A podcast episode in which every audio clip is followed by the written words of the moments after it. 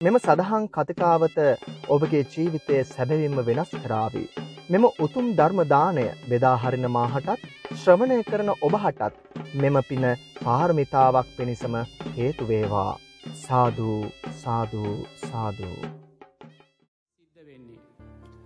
පිංකතුනී පින්කමක් සිද්ධ කරලා ඒ පින්කම තුළින් අපිට දුගතියට යන පාරත් සකස් කරගන්න පුළුවන්. මේ සම්මා සම්බුද්ධ ශාසනයේ ජීවත්වන අදක්ෂයා පින්කම් සිද්ධ කරලා දුගතියට යනෝ පිංහතුනි. එයා තමයි මේ සම්මා සම්බුද්ධ ශාසනයේ ජීවත්වන අදක්ෂයා.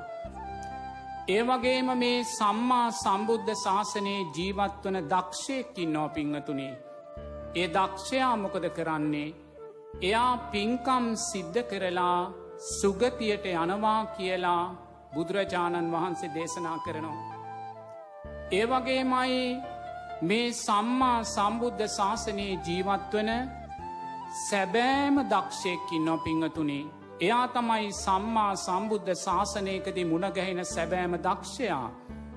එයා පින්කම් සිද්ධ කරලා විදර්ශනානුවන ප්‍රඥාව ඇතිකරගන්නවා කියලා බුදුරජාණන් වහන්සේ දේශනා කරනවා. අදක්ෂයා පින්කම් සිද්ධ කරලා දුගතියට යද්දී දක්ෂයා පින්කම් සිද්ධ කරලා සුගතියට යද්දී.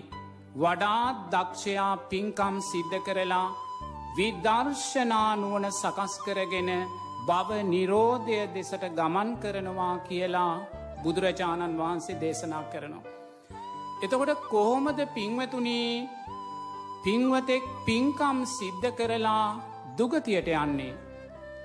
යම් පින්වතෙක් පින්කම් සිද්ධ කරන්නේ සිල්පද පහ දුරුවල කරගෙන නම්. ලෝභ දේශ මෝහ අකුසල් මූලයන් වඩමින්නම්. කර්මය කර්මඵල විශ්වාසයෙන් තොරවනම්.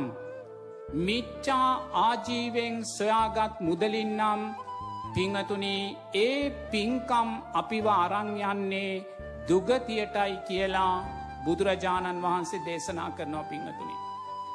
බුදුරජාණන් වහන්සේ සස්්‍රීක දිව්‍යතල ගැන දේශනා කරනකොට තුසිතය යාමය නිම්මාන් රතිය පරනිම්මිත වසවත්තිය තාවතින්සේ චාතුරු මහාරාජිකය කියලා සුන්දර පිනෙන් බර වූ දිව්‍යතල හයක් ගැන දේශනා කරනවා පිංහතුනි. මේ දිව්‍යතලවල දෙවියන් දිව්‍යාංගනාවන් වැඩ සිටිනවා වගේ මේ දිව්‍ය තලවල පිංවතුනි දිව්‍ය තිරිසන් ලෝකයක් තියෙනවා පිංහතු